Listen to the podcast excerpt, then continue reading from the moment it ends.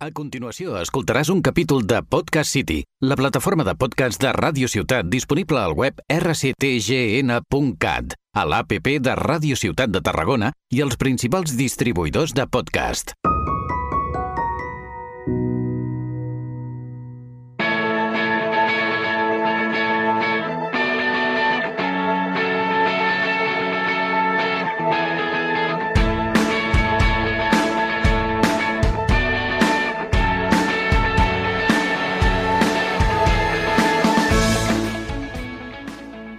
Benvingudes i benvinguts a un nou episodi de Maternitat i Criança Conscients. Avui vinc a parlar sobre el Pla de Part, aquest document que amb molta cura hem de crear per ser part activa del nostre part i naixement de la nostra filla o fill, per prendre les nostres decisions, fet que ens farà prèviament informar-nos de les opcions d'un part. Molt bones, sóc l'Estela Prado, dona, mare i terapeuta maternal, ofici destinat a acompanyar la gestació, el part, la placenta, el postpart i la criança. I sóc la veu principal d'aquest podcast sobre maternitat i criança conscients. Que què és això del pla de part? És la idea ideal del part? Doncs d'alguna manera sí. El pla de part és un document escrit que quasi diria que és d'obligació presentar al lloc on tenim previst anar a parir. És com quan planegem una boda o algun altre esdeveniment que, tot i que pot tenir imprevistos, tenim un planning del que volem i com ho volem. Doncs el pla de part és això. Planegem el nostre part. És un suport documental per recollir la nostra voluntat com a dona que apareix sobre determinats aspectes de l'atenció al part i al naixement. És a dir, un document on plasmem la informació sobre el que volem que ens facin o que no ens facin a nosaltres i als nostres nounats. Un document amb què exercim el nostre dret a decidir lliurement, a consentir o no consentir sobre les intervencions mèdiques que se'ns proposin. O sigui, que prèviament ens hem hagut de preguntar quin tipus de part volem i quin naixement li volem donar a la nostra filla o fill. És a dir, ens hem d'informar de les opcions. I d'aquesta manera, també el personal mèdic que ens acompanyarà s'assabenta de les nostres preferències. D'aquesta manera, com he dit abans, som part activa del nostre part. Som part informada i amb recursos per prendre les decisions que siguin més convenients a la nostra manera de ser per a cada moment, per nosaltres que parim i pels nostres nadons que neixen. En gran mesura, és una manera per determinar com arriba la nostra filla o fill i quina benvinguda li volem donar.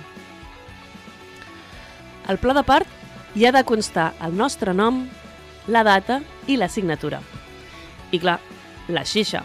Vamos, que podem incloure les nostres preferències per com volem que ens atenguin des del moment en què entrem al lloc escollit per parir. És a dir, podem demanar que no ens parlin a nosaltres si no és realment imprescindible i que sí que ho facin a la persona que ens acompanya. O podem demanar llums baixes a l'habitació, silenci, poder posar la nostra música, etc. Com també podem expressar sobre què volem que el nostre acompanyant sobre què volem que el nostre acompanyant estigui present en tot moment, sobre les eines o no eines per sostenir el dolor, si volem que ens les ofereixin o ja les demanarem nosaltres, sobre les intervencions que tenim clar que acceptem o les que no. Volem tactes si no són imprescindibles? Com volem la monitorització del nostre nadó? Acceptem el trencament de la bossa? Etc. I la placenta? La vull veure? Me la vull emportar? També podem expressar que volem el contacte immediat pell en pell amb la nostra filla o fill.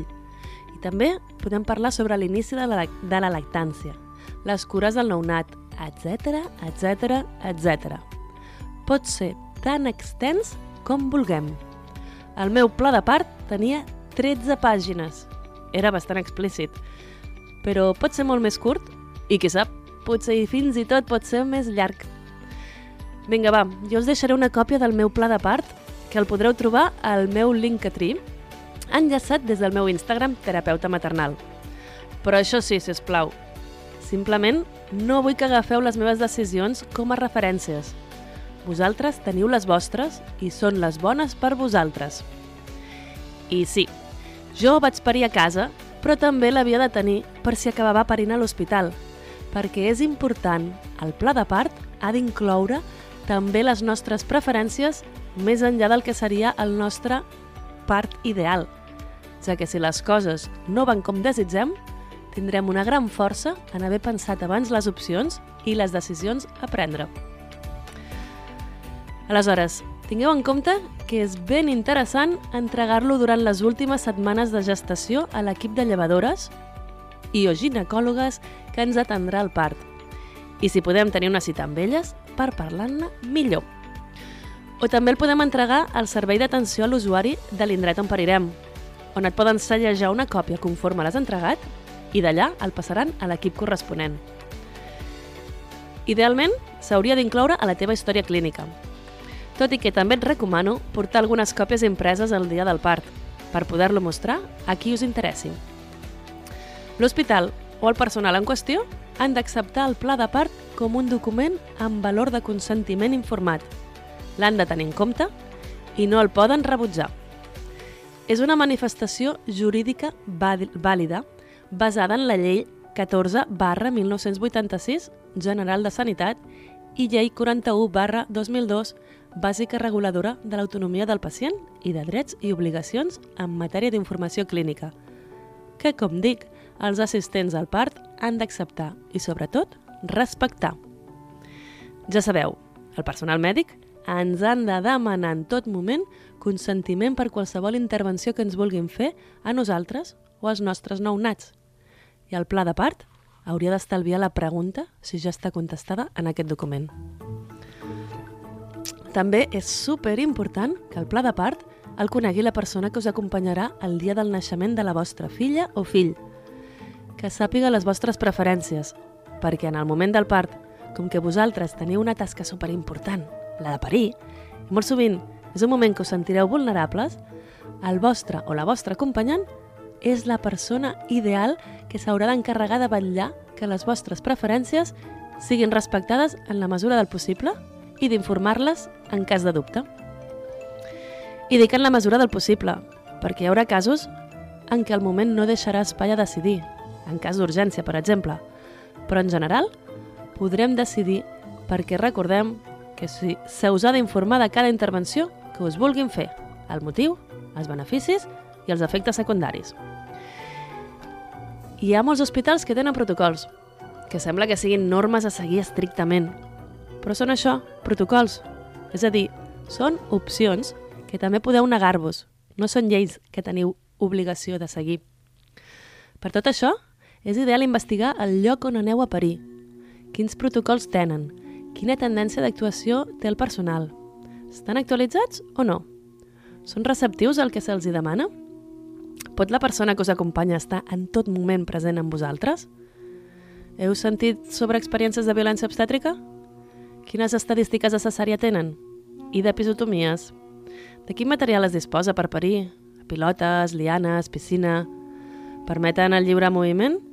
Es pot triar la postura per l'expulsiu? Es pot beure i menjar durant el treball de part? Quin protocol tenen si la bossa està trencada? Etc etc etc. Aquestes són algunes de les preguntes a fer-vos per tal de triar un lloc on conflueixi amb el vostre sentir. Per cert, sabeu que podeu demanar el trasllat de l'hospital? Inclús el dia abans de parir, i tan lluny o a prop com vulgueu.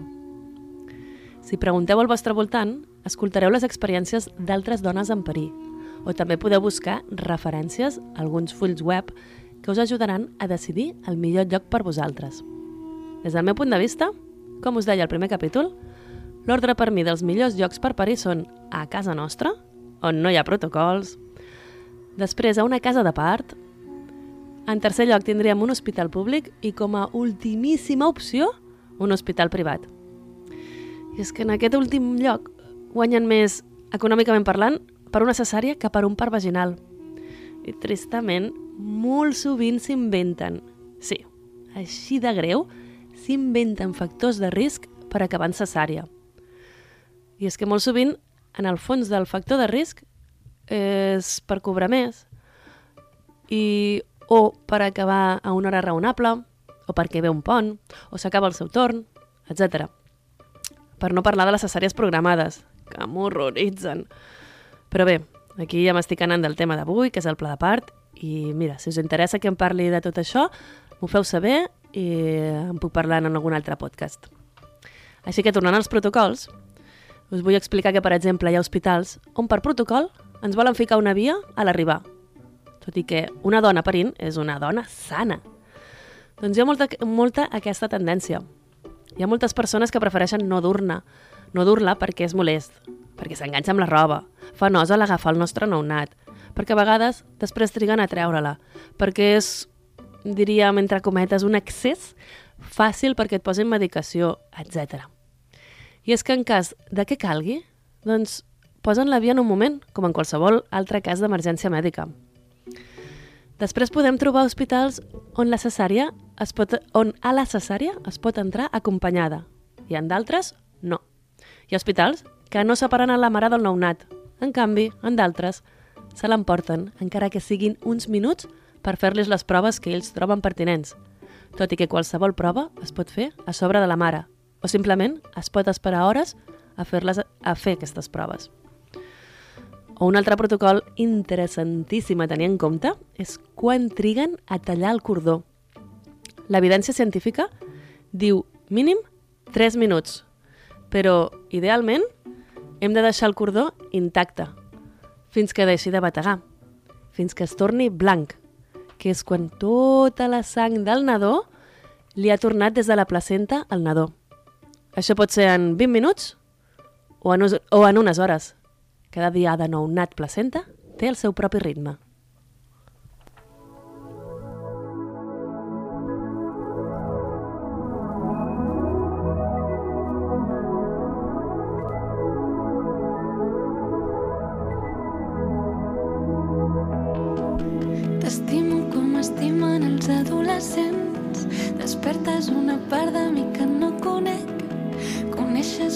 Pedres del camí que fem, camí que fem. Faria tantes coses que no sé què fer.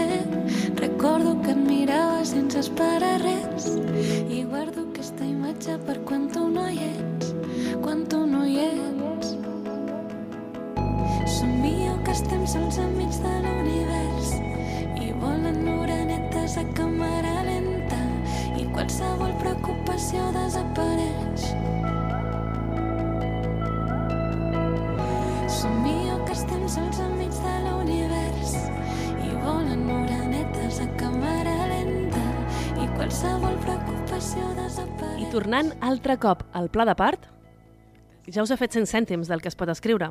Tot i així, miraré de posar un llistat al meu Instagram, terapeuta maternal, perquè podeu fer-vos bé a la idea del que podeu expressar i demanar. I a partir d'aquí, vosaltres decidiu el que us sembla important per escriure-ho. I comentar que hi ha centres que tenen el seu pla de part, un model on vas marcant les opcions que vols o que no vols. Però això no treu que tu puguis presentar el teu propi sense fer cas al que ells tenen, o el d'un altre centre que t'agradi més, o el de sanitat, etc. I per anar acabant, remarcar que tot el que expressem al pla de part ho podem revocar en qualsevol moment de manera oral. No cal ni per escrit. És a dir, podem canviar d'opinió i ho podem fer saber al personal mèdic quan així succeeixi. I se us ha de seguir atenent amb respecte i amabilitat, com en tot moment. En aquest cas, al centre mèdic seria ideal que deixessin per escrit que heu canviat d'opinió. Però bé, d'això ja se'n fan càrrec ells. I podem trobar models de pla de part fets per internet, per exemple, de la Generali Generalitat de Catalunya, també del Ministeri de Sanitat, al web del Parto és Nuestro, a donallum.org, etc. I ben segur que si fem una cerca per internet en trobarem variats. I bé, sense més, fins aquí el que us volia comunicar sobre el pla de part. Si se re si se m'acut res més, us ho deixo a l'Instagram. Igual que si teniu qualsevol dubte, consulta o comentari, el podeu fer a través del meu Instagram a terapeuta maternal. I com cada capítol, em queda super agrair al meu company que fa possible que estigui jo aquí mentre ell està a Manbruc. El Lluís Blaín, tècnic de so del podcast, a la Ràdio Ciutat Tarragona i a vosaltres que m'escolteu. Moltes gràcies, salut i bona criança.